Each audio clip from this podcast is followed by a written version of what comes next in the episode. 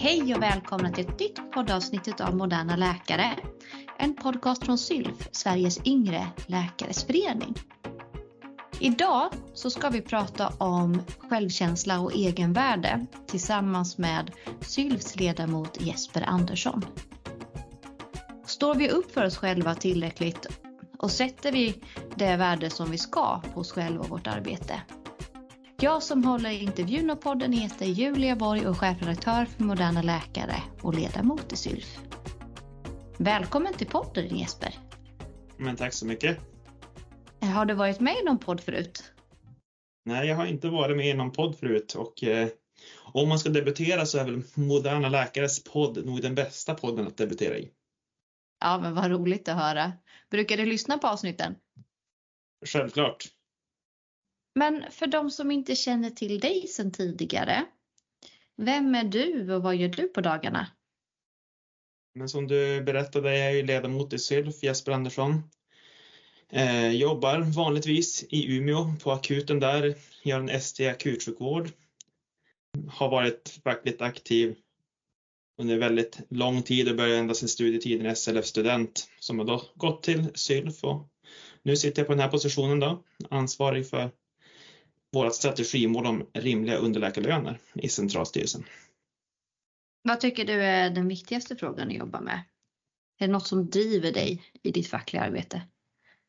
Alltså, jag tror ju verkligen att egentligen alla frågor kommer tillbaka på det med egenvärde och jag tror att har vi ett, ett gott egenvärde och vet vad vårt värde är så löser sig nog många andra problem. Jag tror att där har vi nog mycket att jobba på. Hur långt har du kommit på STn? Påbörjar mitt tredje år efter att ha varit föräldraledig nu ett halvår. Härligt. Vad är det att komma tillbaka efter att ha varit borta ett tag då? Ja, det är det känns riktigt hemtrevligt måste jag säga. Föräldraledighet är inte en föräldraledighet utan föräldrajobb ska man säga. En del av alla, tror många sylfare upplever den delen under sin ST. Hur många barn har ni? Det är första barnet och eh, hon är ett och ett halvt år snart. Så vi har just påbörjat inskolning med allt vad det innebär. Du skrev ju den senaste ledaren i Moderna Läkare om egenvärde. Vad tänker du? Står vi upp för oss själva tillräckligt i underläkarkåren?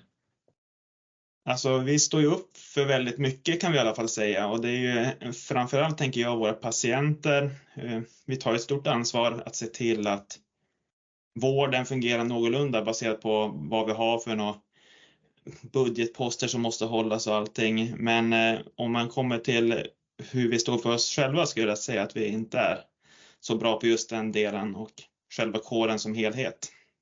Varför tänker du att det är så?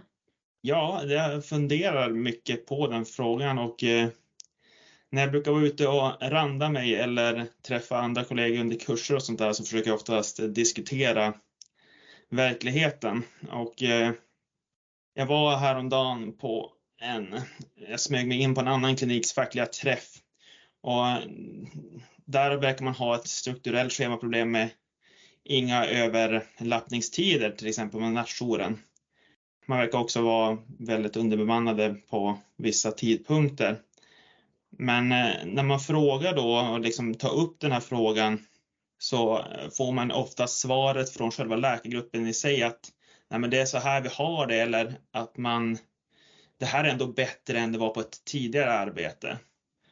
Eller att man faktiskt måste göra det för att inte patienterna ska drabbas eller kollegor. Att man tycker att om jag gör det här så behöver inte min kollega i alla fall bli drabbad. Och det är ju någonting som jag känner igen och som jag tror att man känner igen på nästan varje klinik ute i Sverige att det är väldigt pressat. Kanske är det bästa ordet för det. Ja, jag tror att vi har, vi har ju varit pressade under en lång tid. Det, frågan hur det skulle vara att jobba som läkare utan att ha en pressad verklighet. Det är svårt att föreställa sig. Verkligen. Jag tycker ju om att jämföra med andra branscher och yrkesgrupper. Och jag tänker ändå att vi, vi har ju en av Sveriges absolut längsta utbildningar och vi har också en av de mest ansvarstyngda yrkena. Och trots det så verkar vi nästan be om ursäkt för oss, är tacksamma för att vi får ett jobb. Ja, det är ju verkligen en bra fråga. Jag brukar också jämföra och fundera på det här. Och det som är så provocerande tycker jag att vi aldrig, hur ofta hör man att vi är förbaskat bra, att vi faktiskt tar det yttersta ansvaret, att vi har den tyngsta ansvarsposten inom vården. Jag brukar också tänka så här, det är ingen som brukar säga att vi är värda att ha rimliga arbetsvillkor eller bra lön eller bra löneutveckling. Men jag börjar fundera på det där och jag tänker att kanske hade det varit bättre ifall man börjar säga liksom tvärtom. Att vi i alla fall inte värdiga dåliga arbetsvillkor eller dålig lön eller en reallönesänkning mot resten av samhället. Ja, men det är en spännande tanke och det kanske sätter mer, eh, det kanske ger en bättre beskrivning av hur det faktiskt är idag eh, för läkare, framförallt för underläkare. Har du några typexempel på att man liksom viker sig för arbetsgivaren eller andra arbetskategoriers krav? Det är egentligen så sker det väl hela tiden, men det är, det är olika på olika arbetsplatser och varje arbetsplats har sina problem. Men för ett tag sedan så pratade jag med en som jobbar inom primärvården och som var väldigt, eh, vi tog upp det här med att vabba när man har sjukt barn eller om man är sjuk själv, att när man väl kommer tillbaka inom primärvården, då har man ett administrationsberg samtidigt som man ska ta hand om sin ordinarie liksom, lista och liknande. Och personen i sin i fråga tyckte då att, att ja, men det här är ju, det här måste jag lösa liksom, för att annars då kommer ju en patient bli drabbad eller så kommer en kollega bli drabbad för att då läggs det på deras listor istället. Och sen så tog jag upp det där att men har du aldrig funderat på ifall det är arbetsgivaren som ska lösa det här? Jag menar, du har ju fortfarande har du din 40 timmars vecka. Eh, man kan inte få in mer timmar än det faktiskt är liksom som du är anställd för. Och där så tänker jag då att då måste ju arbetsgivaren lägga dig så att du får frigöra timmar för administration till exempel. Men det konstiga var att den här personen, som många andra tror jag också, inte hade ens resonerat över den tanken. Och jag tänker det där är väl en av de frågorna liksom så här när man viker sig för arbetsgivaren för att man tror att man behöver göra det.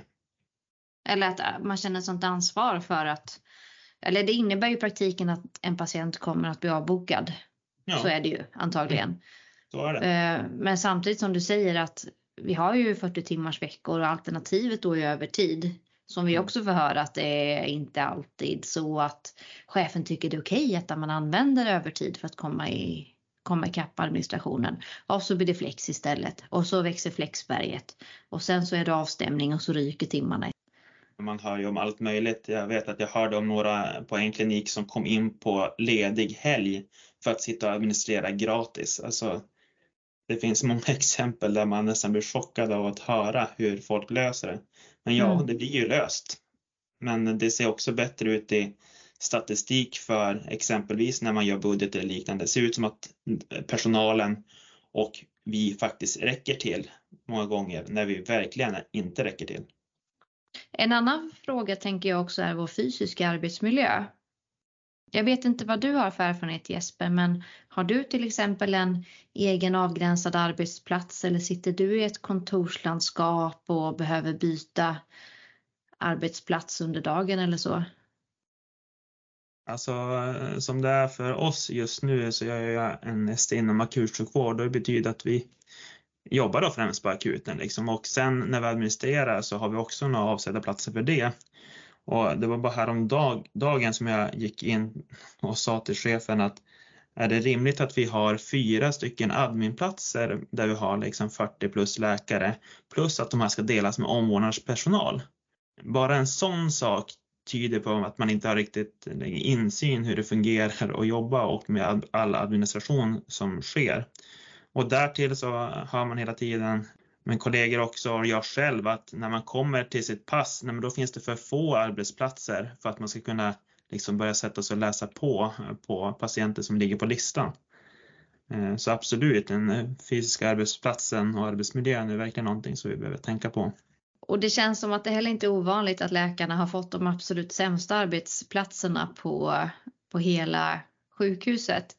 Jag har själv ett exempel. Eh, på huset då där jag jobbar så har man läkarexpeditionerna på södersidan. Och det är ett hus med absolut inte fungerande ventilation vilket innebär att det blir supervarmt i de rummen när man sitter där på dagarna och ska ronda. Och sen så har omvårdnadspersonalen, de har istället sina fönster på norrsidan. Så där är det alltid svalt och skönt på somrarna.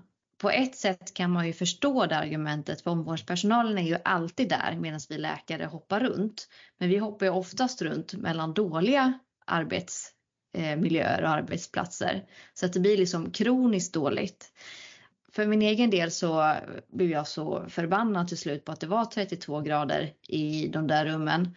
Så jag sa ifrån och sa ursäkta men jag behöver faktiskt kunna öppna fönstret. Och det blev ett jävla liv för öppna fönstret fick man minsann inte göra för då fuckade man med ventilationen. Jag hittade faktiskt det här eh, handtaget så att det gick att öppna fönstren till slut för jag tänkte inte sitta där eh, när det var så varmt.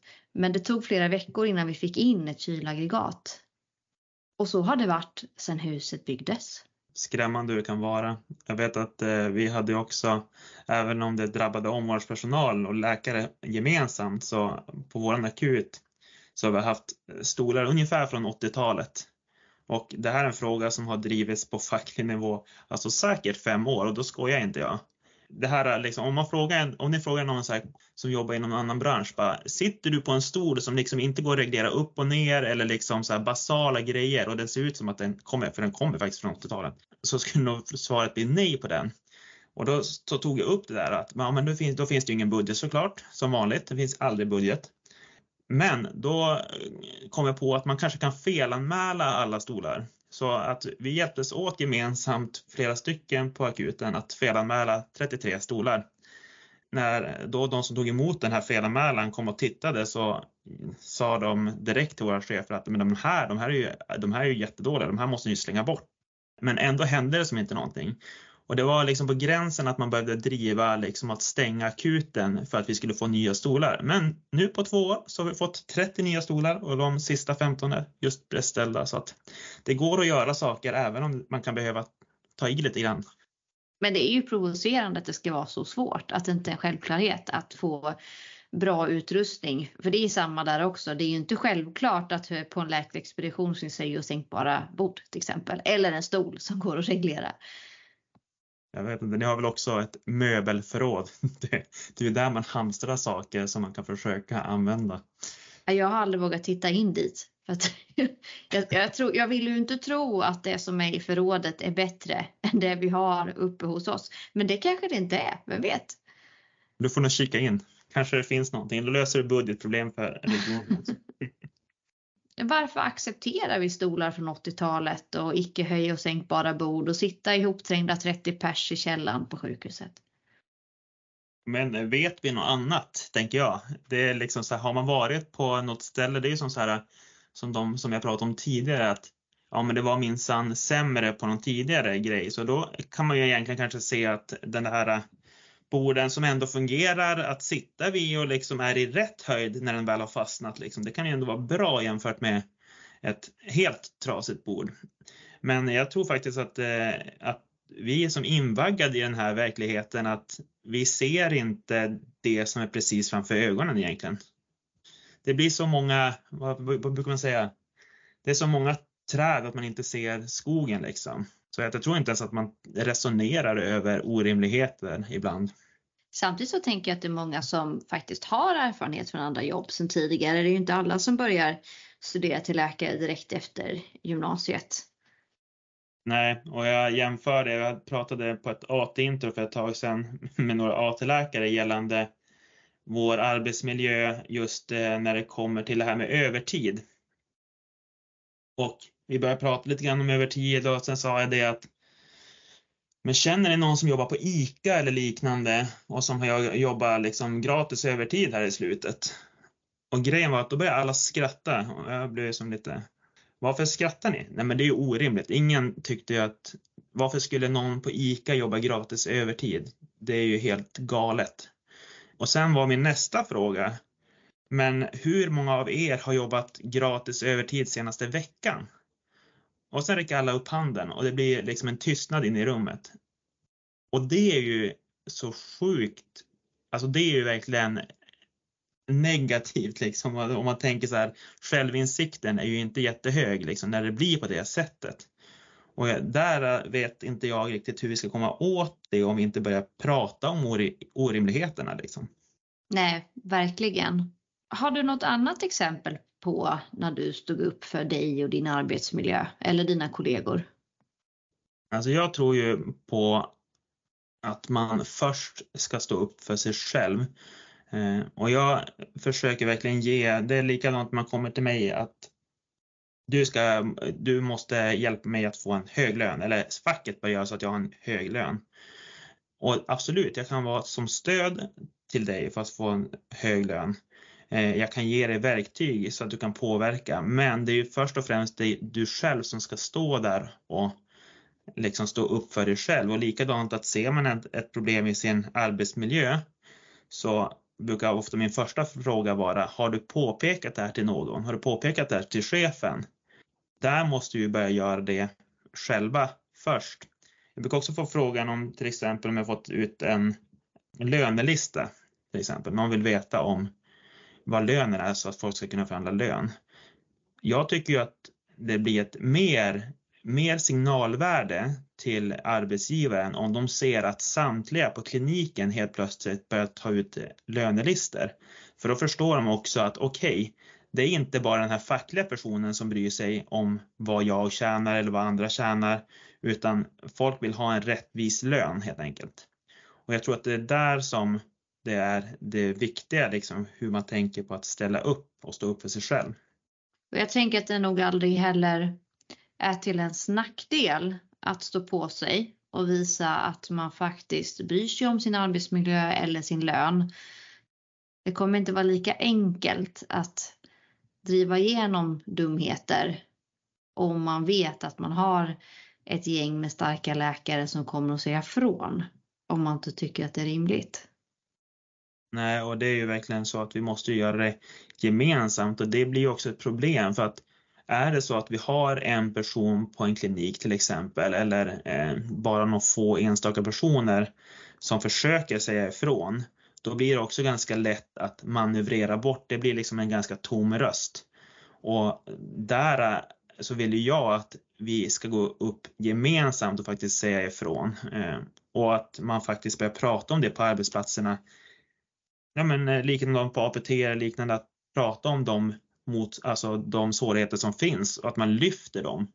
För att när det bara är en person som lyfter så blir det väldigt ensamt.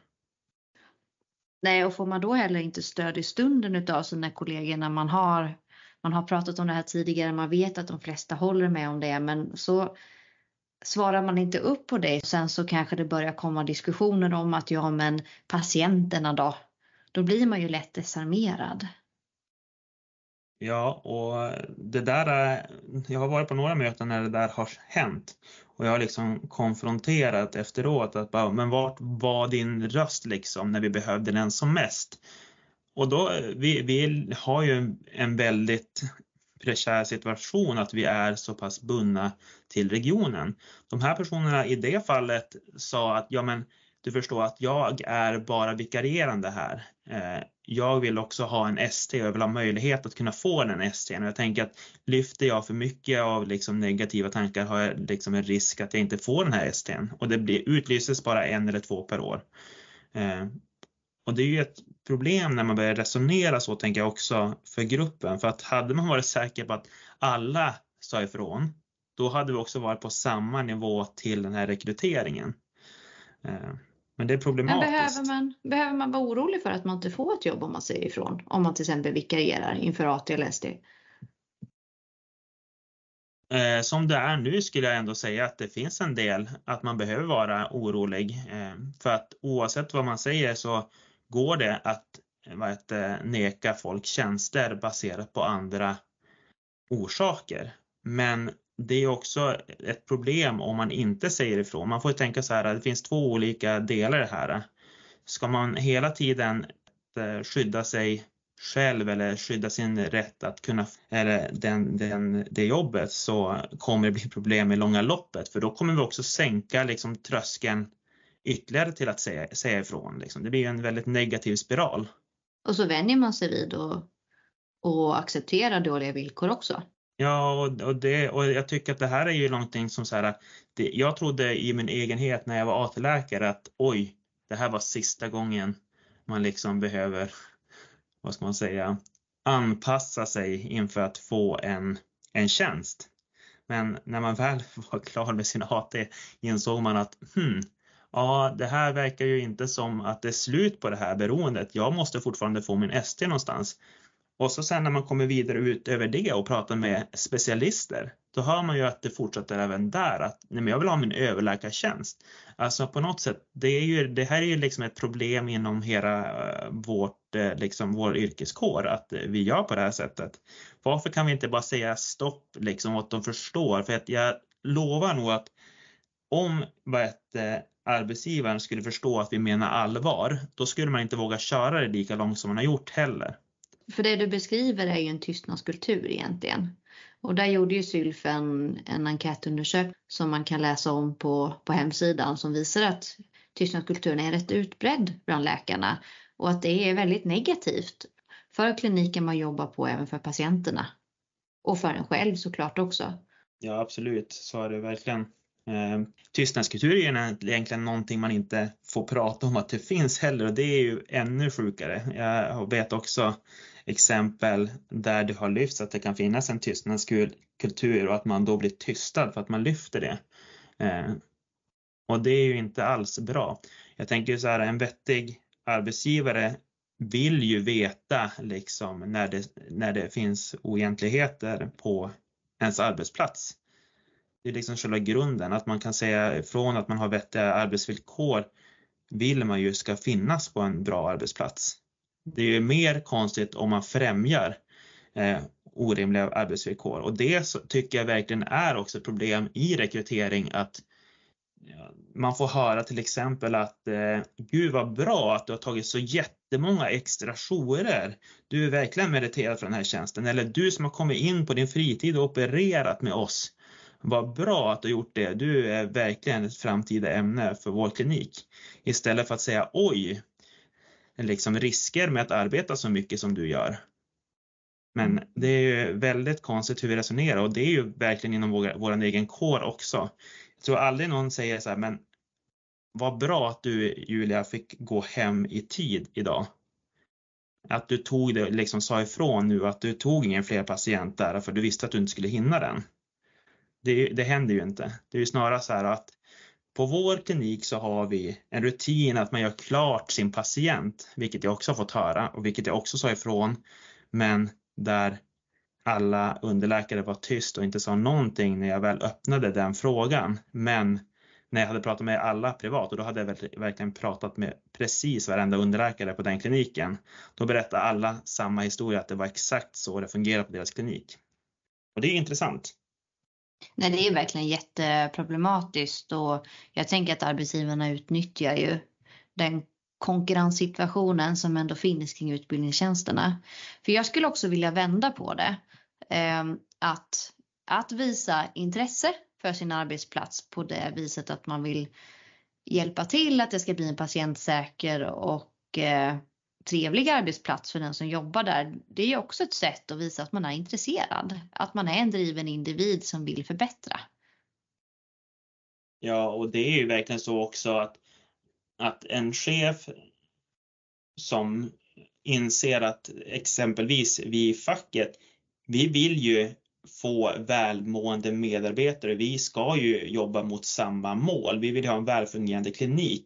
Det är inte ett motpartsförhållande. Jag tror att hade man också kunnat släppa den tanken att vi inte ska jobba mot varandra utan med varandra och lyssna på varandras liksom, insikter så hade vi underlättat. Men eh, det var som en annan som jag pratade med som sa ja, fast ditt mål är de punkterna, men jag har också ställningstagande till budget. Ja, så är det ju. Samtidigt så kanske man sparar sig fattig många gånger på småsaker. Ja, och vår kompetens behövs ju, tycker jag, i många led, både liksom nära verksamheten men högre upp också för att man ska förstå den delen. För det kan verka bra att göra på vissa sätt för någon som inte är insatt. Men liksom när man kommer in nära verkligheten så inser man också att vad kostar till exempel stafetter eh, om man inte tar in ordinarie personal? Eller att man inte höjer lönerna för alla. En sån enkel sak liksom att vad, och vad är alternativet? För att ibland när man, när man, man kan ju bli lätt provocerad när man pratar om det här med löneökningar för läkarkåren.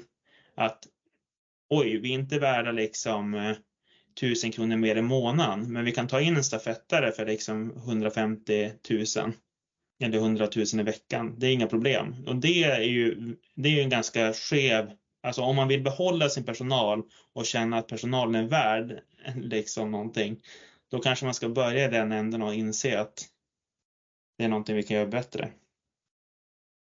Börja ta hand om sina egna. Ja, förslagsvis.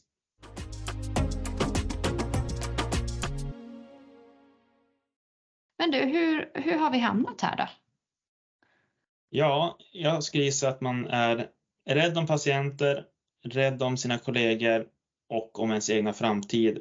Eh, det är väl en ganska enkel sammanfattning på just det planet. Sen är det ju så att eh, vår yrkeskår är, är, är fortfarande i ett koppel med hjälp av utbildningstjänsterna. Eh, och man vet också att eftersom vi utbildar oss under så pass lång tid fram till specialist så hinner man rota sig på platserna man är på. Eh, man är nog mindre benägen att tacka nej, till exempel om jag utbildar mig till att bli specialist inom hud. Vad är då närmaste liksom, plats jag kan jobba på en annan hudklinik? Alltså det är ofta att man måste flytta väldigt långa sträckor, tänker jag. Eh, och vill man göra det då om man till exempel har eh, men rotat sig med familj, kanske köpt eh, bostad och allting. Jag tror att det, vi blir lite låsta det, där och jag tror att man utnyttjar det, tyvärr. Jag håller med. Jag tror att arbetsgivarna, de vet precis vad de gör och de har gjort den analysen och litar stenhårt på att vi inte kanske är jättebenägna att flytta på oss när vi blir lite äldre, när vi skaffar barn, vilket vi ofta gör under underläkartiden. Och också inlåsningseffekten i yrket. Att vi har investerat så lång tid för att bli specialistläkare och därmed inte lämnar yrket. Men jag tror också så här ifrån egna kåren om man kollar tillbaka eh, och den känslan jag får är att vi kommer från en kultur där man levt som läkare, man inte bara jobbat som läkare utan man var liksom läkare. Jag tänker tillbaka på de här om man har gått runt på en kyrkogård och ser de här gravstenarna där det stod både namn och yrke liksom, för att man var sitt yrke. Och när man pratar med en del äldre kollegor så får man ju oftast den uppfattningen att oj, på min tid, ni har det så bra för på min tid då bodde jag här och jag födde barn här och allting här. Eh, men det smittar ju av sig på yngre generationer. Och så här på deras tid, det är inget fel med det, men tiderna förändras och jag tror att det här med att man är väldigt högpresterande inom läkarkåren gör att man, man vill ju vara den här duktiga, man vill utvecklas och att jag tror att man först går tillbaka till sig själv och kollar, finns det, är det jag som är problemet? Man kollar inte först att är det här orimligt liksom i den miljön jag befinner mig i? Är det därför jag inte hinner ta upp mer patienter eller liknande? Och det bidrar ju till en, en dålig självkänsla också tyvärr. Jag har också funderat på om det finns någon form av arvsynd bland läkare. När jag läste, jag läste i Lund, mm. så tyckte jag ofta att det var så mycket fokus på hur hemska läkare har varit över, över tid och att man inte har lyssnat på patienterna och på andra personalkategorier och det måste vi bort ifrån. Känner du igen dig i det Jesper? Men eh, alltså eh, som helhet så tänker jag att läkaryrket hade en mer omfattande makt, eller vad man ska säga. Det var ju som ett, en, en maktfaktor på ett annat sätt, det här med att man var läkare. Men vi är ju inte där längre. Eh, men, men jag tror fortfarande lite grann att det blir, när man pratar om i samhället om läkaryrket, så är det fortfarande som att ja, men man har valt det för att det är ett kall och man tänker fortfarande att ja, men du som är vad heter, läkare, ni har det så himla bra. Och det gör ju också att det blir som ett förakt så att man vill nästan inte ens lyfta sina egna problem för att ingen förstår att, att vara läkare och jobba liksom i full huggning med en underläkarlön. Det är inte, det är inte som Grey's Anatomy eller liksom glamoröst på något sätt. Eh, men det är problematiskt att vi inte kan prata om det på större arena. Det blir nästan som att man försöker motbevisa den bilden. Ja, verkligen. Och eh, men det, det är verkligen som du säger, att man försöker motbevisa. Eh, en eh, kollega sa för ett tag sedan att hon kom in i ett rum till en patient eh, och blev kallad sköterska. Och ville som trycka på att ja, men det var jag som var läkare. Eh, men att det blev som nästan dålig stämning mot den som var sköterska. För varför kan inte du, varför ska du inte säga att, varför ska du säga att du är läkare liksom på den planet? Och ibland så blir det som så här att vi nästan dämpar oss. Alltså det är inte ens en grej. Alltså, vissa är läkare, vissa är sköterskor. Det är inte liksom någon maktspel eller att det är någon hierarki. Vi har bara helt enkelt olika arbetsuppgifter. Eh, men det är så konstigt ibland hur resonemangen förs. Och jag tror att vi är kvar lite grann från det vi har pratat om, liksom historiskt vars vi är. Men det, vi måste ju leva i nuet och förstå att det är inte liksom tusentalet. Men... Nej men det har hänt en del. Ehm, och jag tror vi måste börja motarbeta eller jobba med vår egen självkänsla som läkare för att det ska bli drägligt. Jag vet inte om det var drägligt förr i tiden när den här bilden av att läkare var så hemska och inte lyssnade på dem. Jag vet inte om det var liksom jättebra att vara överläkare då. Ingen aning. Jag var inte där. Men jag tror att om vi ska få en, en bra arbetsmiljö och bra villkor framåt så måste vi börja lyfta oss själva. Vi måste börja stå på oss. Men alltså att vi ska vara stolta över att vi har gått igenom liksom en av Sveriges tuffaste utbildningar, att vi har liksom ett väldigt stort ansvar jag menar när, när patienter eller liksom en anhörig ringer in, eh, kommer med ambulans eller liknande, då är det vi som står där. Eh, och det är ju inte någonting som vi ska hymla med att vi är, liksom, utan det ska vi vara väldigt stolta över och det är någonting som vi ska ta vara på. Men samtidigt så måste ju samhället och liksom övriga också se vår roll i det. Eh, jag tror att det är ett samspel som man måste göra. Absolut. Vi har ju varit inne på det lite förut. Men har du några bra exempel som du kan ge om man vill börja träna på att säga ifrån? Börja analysera din vardag.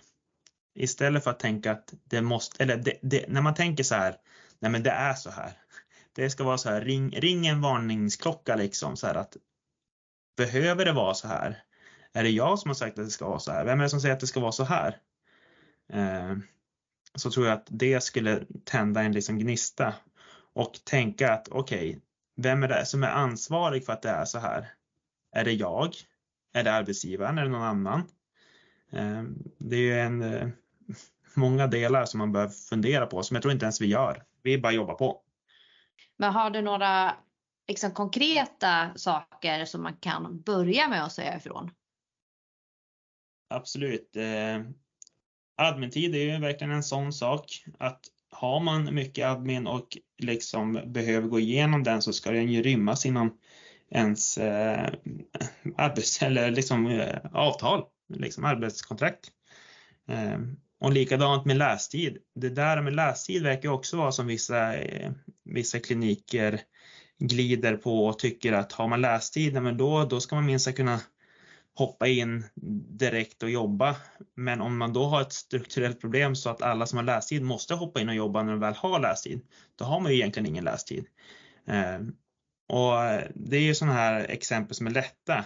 Likadant det här med någonting som jag tror många av oss gör. Det här med vad är lunch och vad är måltidsuppehåll? Lämnar du telefonen, stänger du av telefonen när du går på lunch och liksom är helt oanträffbar, ja, men då är det lunch. Förväntas du svara i telefonen, ja, men då är det måltidsuppehåll. Eh, det är ju sådana där saker som vi, vi bara gör, tänker jag. Eh, men där måste vi ju bara säga ifrån att nej, men så här ska det inte vara. Så börja med av telefonen under lunchen. Annars ska du ha betalt för lunchen. Det är väl ett jättebra, jättebra första tips. Men du Jesper, jag tänker att vi börjar närma oss slutet för det här poddavsnittet. Hur ska vi göra för att höja självkänslan inom läkarkåren? Ja, vi kan ju börja prata med varandra om våra förutsättningar.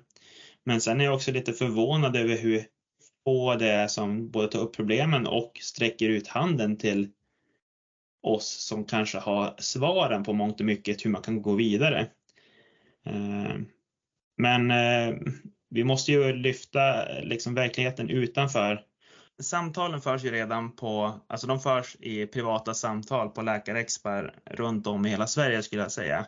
Men det gäller ju att vi lyfter ut de samtalen ut i det öppna och liksom vågar lyfta dem gemensamt. Eh, både på liksom APT eller när vi har liksom läkarmöten. Det är ju först när vi gör på det sättet som vi kan faktiskt göra förändringar de flesta av oss har nog kompisar som också är ambitiösa i sin yrkesutövning men som har en annan högskoleutbildning. Det kan vara bra att prata med dem om hur de har det på dagarna och jämföra med hur man själv har det. Då kan man bli lite självmedveten. Och jag tror att det är nästan det vi behöver bli för att vi ska ta i de här frågorna och förstå att det vi många gånger accepterar är inte rimligt. Och när Nej. vi pratar om det, då vi kan börja samla oss kring frågorna och börja gå mot förändring.